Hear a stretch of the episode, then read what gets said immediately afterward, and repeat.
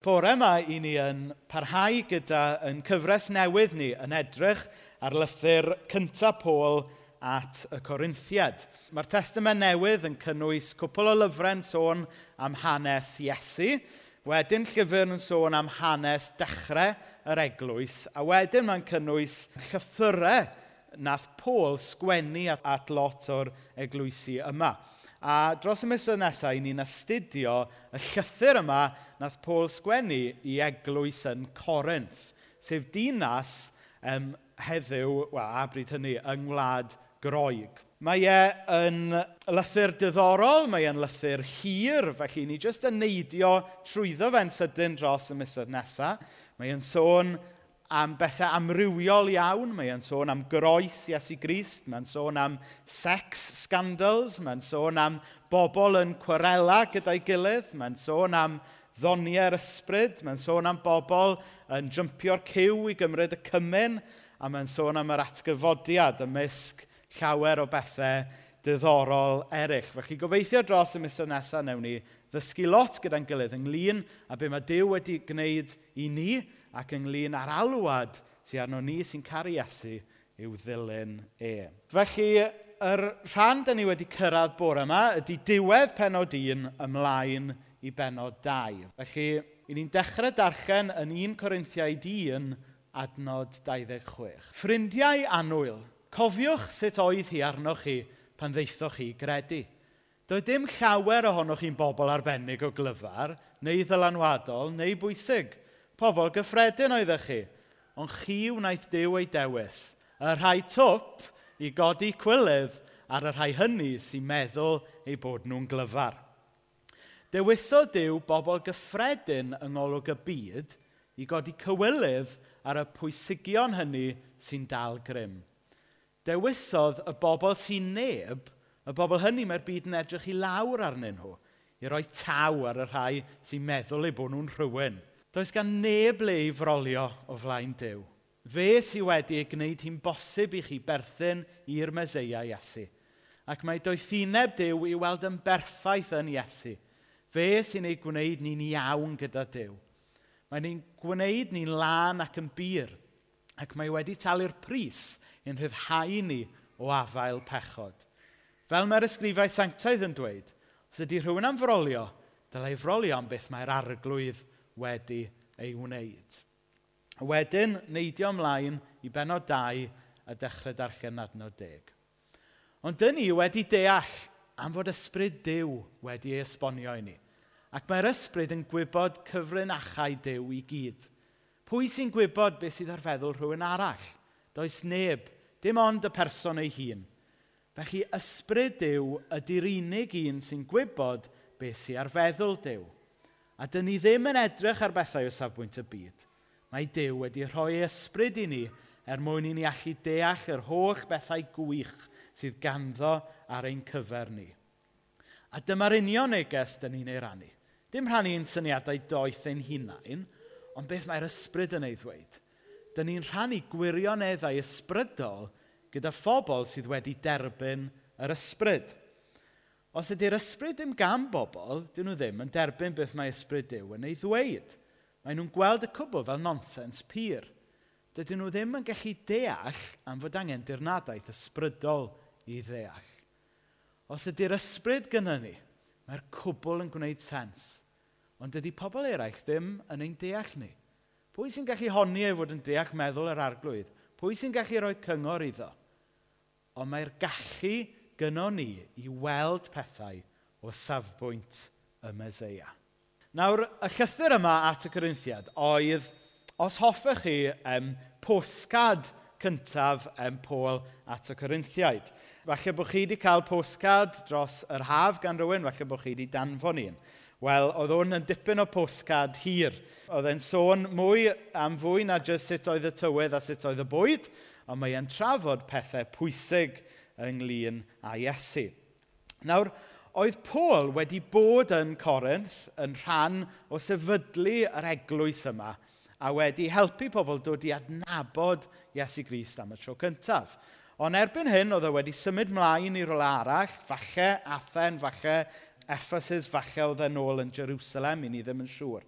A wedyn oedd e wedi clywed bod i ffrindiau fe angen rhywfaint o help, yn gweithio peth allan, yn i ddysgu mwy ynglyn â Iesu. Felly mae e'n sgwennu y llythyr yma iddyn nhw.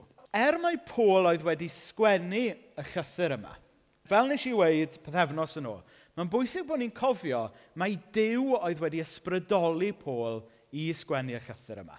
Felly, just a messenger oedd Pôl mewn gwirionedd. Be sydd gyda ni yn yr adnodau yma ydy gair Dyw. A dwi'n meddwl, os ydy ni eisiau Dyw i gwahaniaeth yn ein bywyd ni, os ydy ni eisiau Dyw i siarad mewn i'n bywyd ni, mae rhaid ni fod yn agored o leiaf i adael i ddiw siarad gyda ni trwy yr adnodau yma. Dwi'n deall bod gan ddigon o bobl ragfarnau uh, yn erbyn credu rhannau o'r Beibl, o, o, o ran credu'r Beibl o gwbl. Ond gael eich annog chi jyst i fod yn agored o leia. Yw'r posibl oedd bod Dew ei hun eisiau siarad gyda ni trwy yr adnodau yma.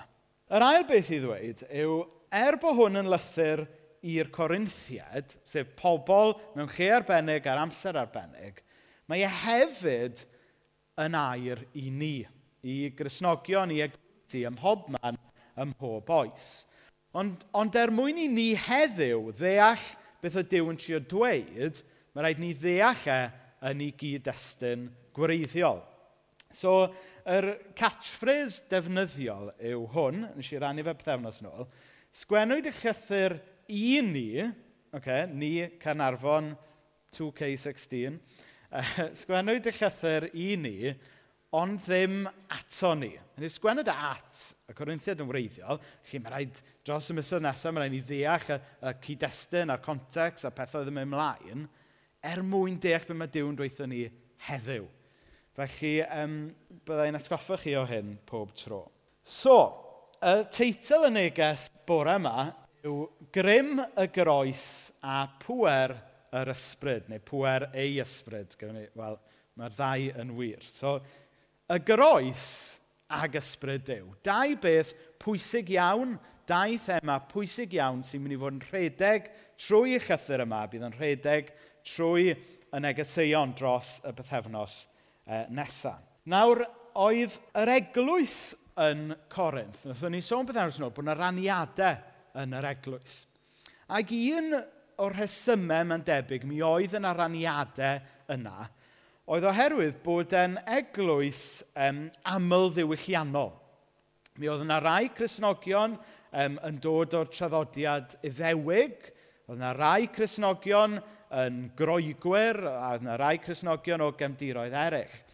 Ac oedd nhw yn cael ein anodd i ddechrau sut oedd symud mlaen gyda'i gilydd. Felly mae, mae Paul mewn ffordd, wrth siarad am y groes nawr, mae e dal i adresio yr isiw yna o'r haniadau. Mae'n dweud, beth bynnag am y gwahaniaethau, cofiwch bod gyda chi y peth pwysicaf yn gyffredin, sef eich ffydd chi yn Iesu, a bod Iesu wedi prynu, wedi maddau pychodau pob un ohonoch chi ar yr un groes. Doedd e ddim fel bod Iesu wedi marw ar y groes yna i'r iddewon, ar y groes yna i um, i'r groegwyr wedi marw ar y groes yna, i'r cofis wedi marw ar y groes yna, i'r banger lads i gyd. Hynny yw, un croes. A oedd yr un groes yna'n ddigon i ddelio gyda pechodau, gyda beiau, pawb. Pwy bynnag i chi, beth bynnag yw eich cefndir. Ac a mae Paul yn cywt iawn yn ydyresio hyn yn yr adnodau sy'n dilyn. Mae'n dweud fel hyn yn 1 Corinthiaid 1 ugen. Ble mae'r bobl glyfar? Ble mae athrawon y gyfraith? Ble mae'r dadleuwyr i gyd? Mae Dyw wedi gwneud iddo thuneb dynol edrych yn dwp. Felly, mae ma Paul yn wynebu yr her fan hyn, ond mae e'n gorfod y dresio gwahanol setiau o bobl, ond gyda yr un newyddion da.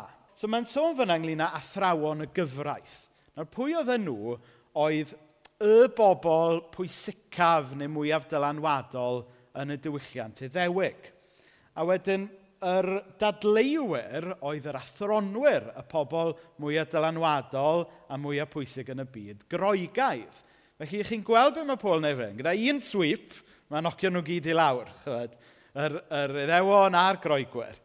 Um, a mae e'n o dau crawd gwahanol gyda yr un neges.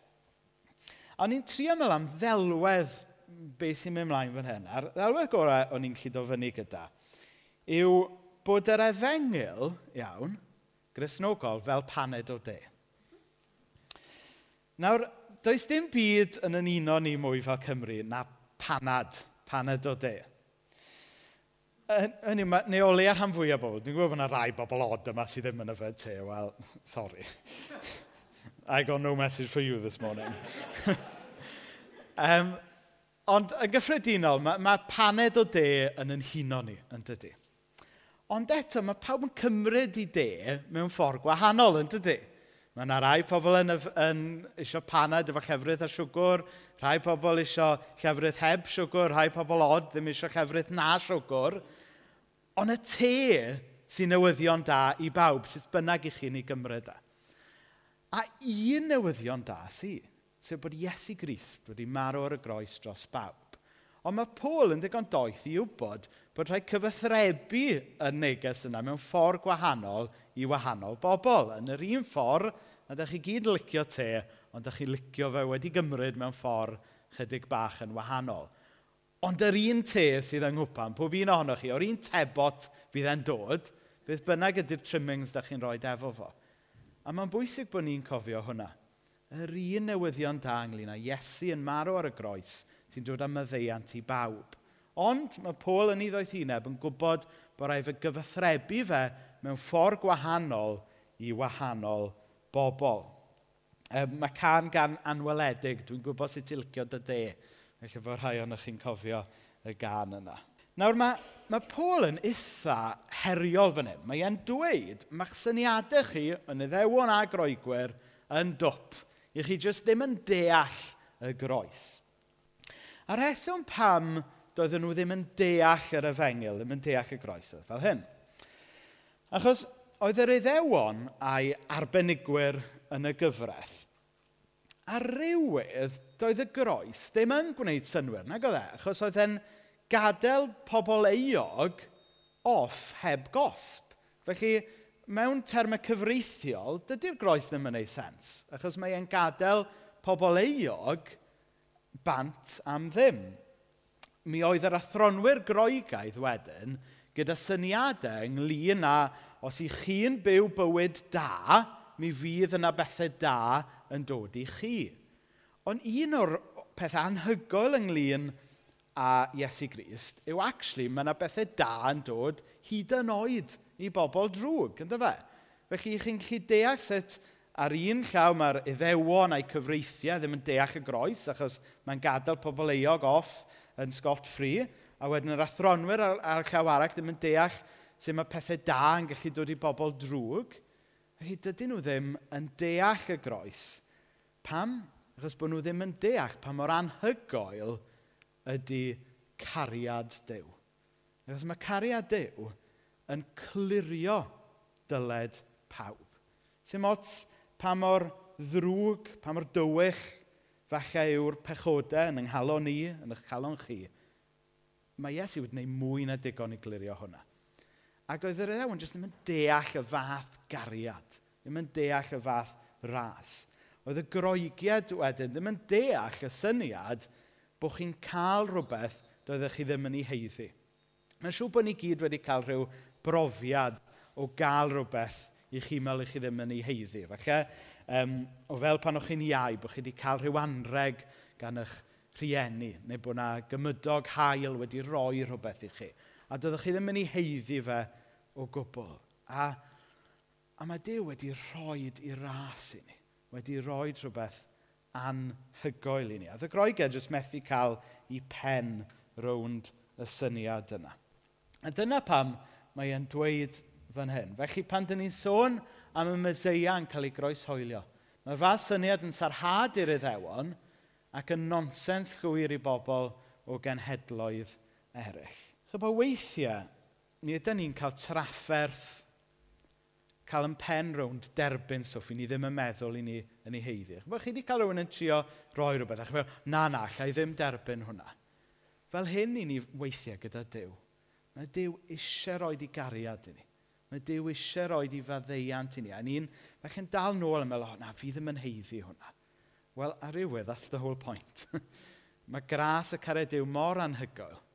Mae'n cynnig maddeiant a mae'n delio gyda unrhyw beth sydd yn pwyso arno ni adnod 24 yn mynd mlaen i weid, ond i'r rhai mae Dyw wedi ei galw i gael ei hachub yn iddewon a phobl o genedloedd eraill, iddyn nhw y myseia sy'n dangos mor bwerus ac mor ddoeth ydy Dyw. Mae'r newyddion da ynglyn â Iesu i bawb.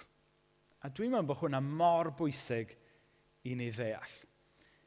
Dyw newyddion da am Iesu ddim jyst i bobl taclus sy'n dod i'r capel – Mae'n bwysig bod ni yn arbennig fel Cymru yn clywed hynny. Mae bron fel petai y newyddion danglun a Iesu ddim jyst yn newyddion i pawb. Mae fel bod yna, bron bod yna inherent bias gyda fe o blaid y math o bobl mae gweddill y byd a dim diddordeb ynddo fe. Chi'n clywed dyddi yma, dydych chi, am um, bolisiau o positive discrimination – a rhyw, hynny yw, rhyw fath o trefn sy'n sy um, trio penodi pobl o fwy o gemdiroedd ethnig, penodi fwy o ferched, er mwyn gwneud fyny am yr anghyfiawnder sydd wedi bod. Mae e bron fel petai, dwi'n deall bod hwn yn eitha controversial, mae bron fel petai bod yr efengil a positive discrimination, bod yna bias yn y newyddion da o blaid y math o bobl mae'r byd yn gadael i lawr. A dyma pam mi fi'n dweud hyn. Dewch ar yr adnodau yma eto. Ffrindiau annwyl, cofiwch sut oedd hi arnoch chi pan ddeithoch chi gredu. Doedd dim llawer ohonoch chi yn bobl arbennig o glyfar, neu ddylanwadol, neu bwysig. Pobl gyffredin oeddech chi. Ond chi wnaeth Dyw ei dewis y rhai twp i godi cywilydd ar y rhai hynny sy'n meddwl eu bod nhw'n glyfar – Dewisiodd Duw bobl gyffredin yng ngolwg y byd i godi cywilydd ar y pwysogion hynny sy'n dal grym. Dewisiodd y bobl sy'n neb, y bobl hynny mae'r byd yn edrych i lawr arnyn nhw, i roi taw ar y rhai sy'n meddwl eu bod nhw'n rhywun. Does gan neb le i frolio o flaen Dyw. Nawr mae'n anhygoel, dydy. Mae'r newyddion danglun ynglyn â Iesu i bawb a talnod llawn, felly dwi'n eisiau tynnu ffwrdd o'r pwynt yna, ond mae e fel petai yn mynd cam ymhellach a bod yna gynnu fo bias o blaid y math o bobl mae'r byd ddim eisiau dim byd i wneud efo. Y math o bobl mae'r byd yn edrych i lawr arno fe. Dyna pa mor chwildroadol ydy efengel Iesu Gris. Mae e'n troi syniadau'r byd ynglyn â pwy sy'n bwysig ben i weired. A mae hwnna yn newyddion da. So dyna yw rhan gyntaf neges bore yma, sef bod croes Iesu Grist yn newyddion da i bawb. Mae croes Iesu Grist yn delio gyda yr holl glymau sydd yn yn calon ni, yn delio gyda'r holl feiau, gyda'r holl straen falle sy'n pwyso arno ni. O fynd at y groes, mae Dyw yn cymryd y pwysau yna i ffwrdd. Ond wedyn, ni eisiau mynd ymlaen at ail ran y neges bore yma, sef, ie, grym y groes, ond hefyd pwer yr ysbryd. Felly mae doethineb Dyw i weld yn y groes, ond mae hefyd i weld yng ngrym yr ysbryd. A mae hwn yn thema bwysig sy'n rhedeg trwy y llythyr. Grym y groes a pwer yr ysbryd. Nid either o'r. Mae Paul yn pwysleisio y groes a mae e'n pwysleisio pwer yr ysbryd. A dwi eisiau ni gael yn pen rownd hwn a just gael hwn yn straight yn y meddwl. Sef fel Cresnogion, dylen ni ddim bod yn dewis pwysleisio un o'r rhain dros y llall. A dwi'n meddwl, os gai, os gai roi, to, mynd ar y moc sebon, mae yna duedd falle yn eglwysi Cymru dros y degawdau diwetha, bod yna gwahanol eglwysi wedi dewis pwysleisio un dros y llall. Bod gyda chi rhai eglwysi yn ymfalchio bod nhw'n pregethu Iesu a gyntaf wedi groeshoelio ac yn gywir felly. A bod gyda chi eglwysi eraill yn ymfalchio bod nhw'n pwysleisio, yn profi yr ysbryd ac yn gywir felly.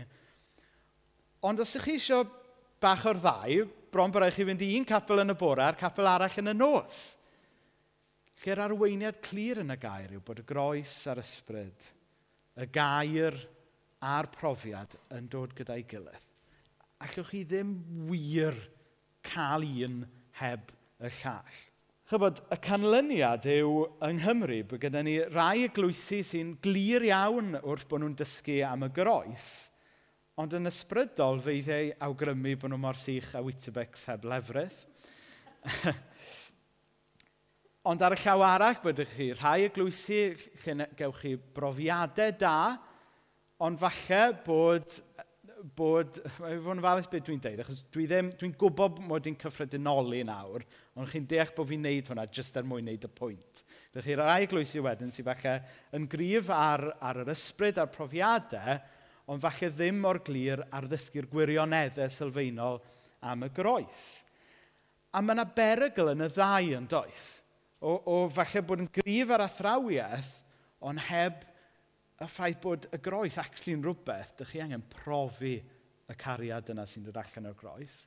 Ond wedyn, mae'r profiadau'n bwysig, ond wedyn mae rhaid chi gael yr angor yna i'ch ffydd, hyd yn oed pan dydy'r profiadau ddim yna, yn does.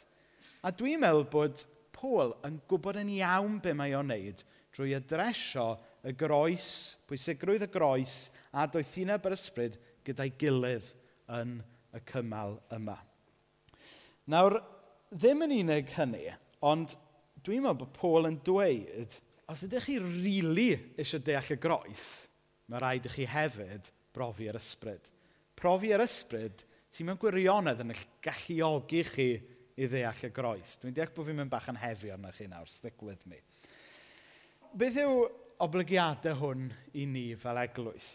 Mae yna duedd falle ymhlith rhai eglwysi, falle tuedd yn yn eglwys ni, i feddwl bod sôn am yr ysbryd glân a, a profiadau o'r ysbryd glân yn rhywbeth i chi'n gwneud gyda pobl ar ôl iddyn nhw ddod i gredu. So, bod ni jyst yn siarad am y groes efo pobl tan bod nhw yn dod i gredu, a wedyn bod nhw'n cael gradu weithio wedyn i sôn am yr ysbryd glân.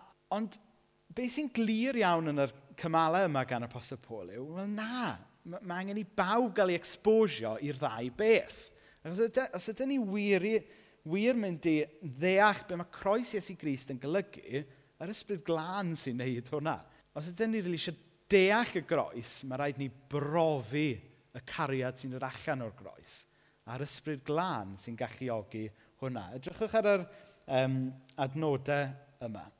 A dyn ni ddim yn edrych ar bethau o safbwynt y byd. Mae Dyw wedi rhoi ei ysbryd i ni er mwyn ni allu deall yr holl bethau gwych sydd ganddo ar ein cyfer ni. Dyma'r union neges dyn ni'n ei rannu. Dim rhan ein syniadau doeth ein hunain, ond beth mae'r ysbryd yn ei ddweud.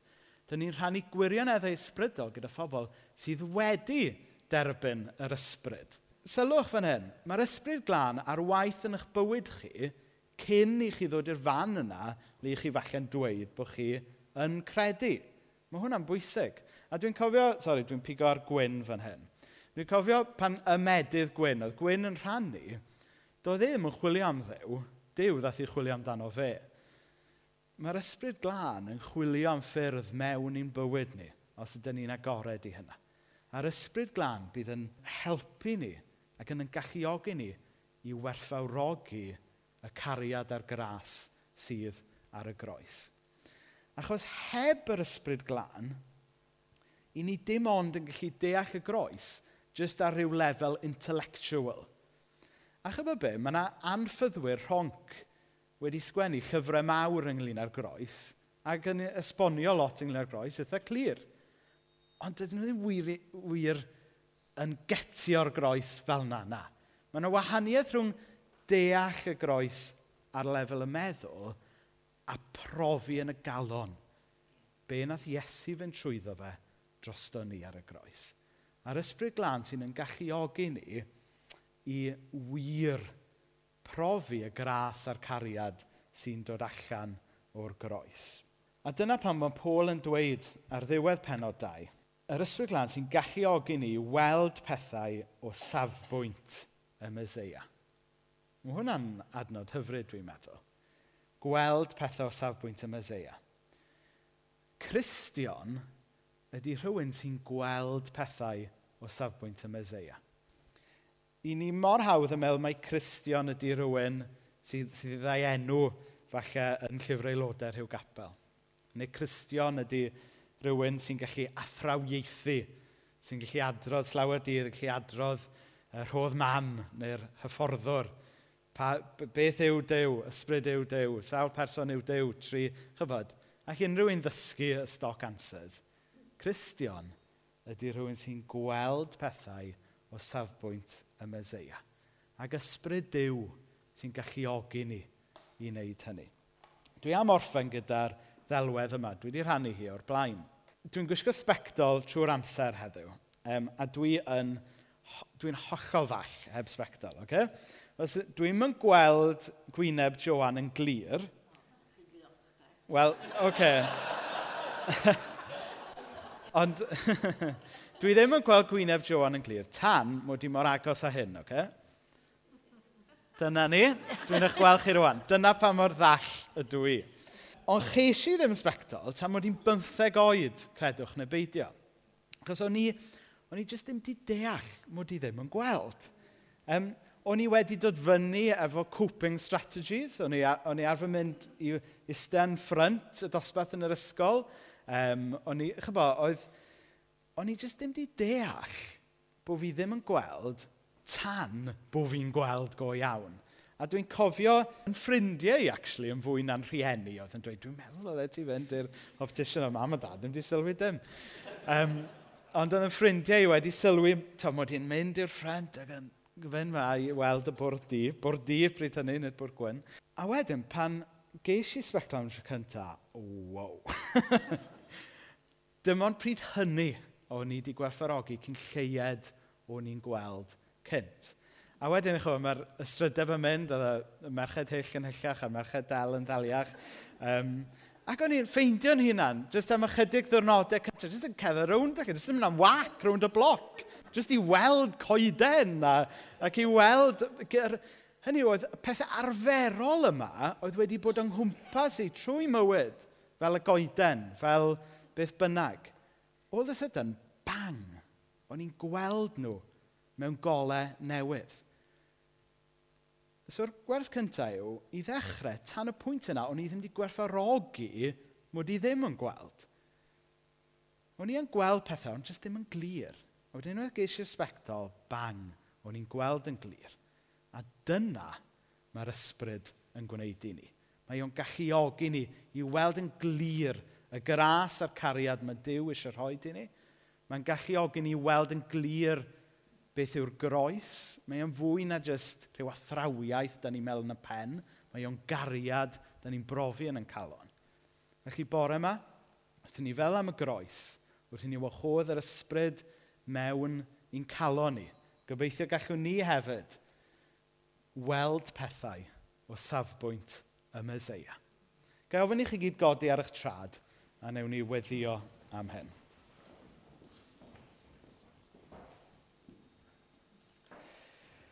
O ddew dad, um, da ni'n diolch am y gair yma i ni wedi cael genddo ti trwy law yr apostol Paul bore yma. Am y groes sydd yn sgandal, falle i'r byd. Y syniad yma bod, bod pobl drwg yn cael maddeiant. Bod pobl um, a beiau yn cael bywyd newydd a bywyd da. A falle bod ni ddim yn gallu deall hwnna ar lefel ddynol. Ond da ni yn gofyn i ti lenwi ni gyd nawr gyda'r ysbryd glân. I roed sbectol dysbryd amdano ni fel petai. Fe bod ni'n gallu gweld a gwerthfawrogi dy gariad a dy ras di o'r newydd bore yma. Am y tro cyntaf bore yma falle. Felly o ddiw dad, i ni'n gofyn i'r ysbryd syrthio mewn i fywyd pawb yma sy'n agored i hynny bore yma. A ni'n gofyn i'r ysbryd glan yn cynorthwyo ni – i weld Iesu. I weld ei cariadau. I adael e, Iesu sybrwd mewn i'n clust ni. I fod yn yn caru ni. I fod e yn yn derbyn ni. O ddiw dad i rai sydd yma sydd falle yn deall y groes yn y pen. O gad i hwnna syrthio lawr i'r galon drwy gymorth yr ysbryd bore yma. Gad i'r hyn i ni'n gwybod falle – gael ei brofi bore yma. O ddew dad, da ni'n diolch am y groes. Da ni'n diolch bod ti wedi danfon dy ysbryd. Amen.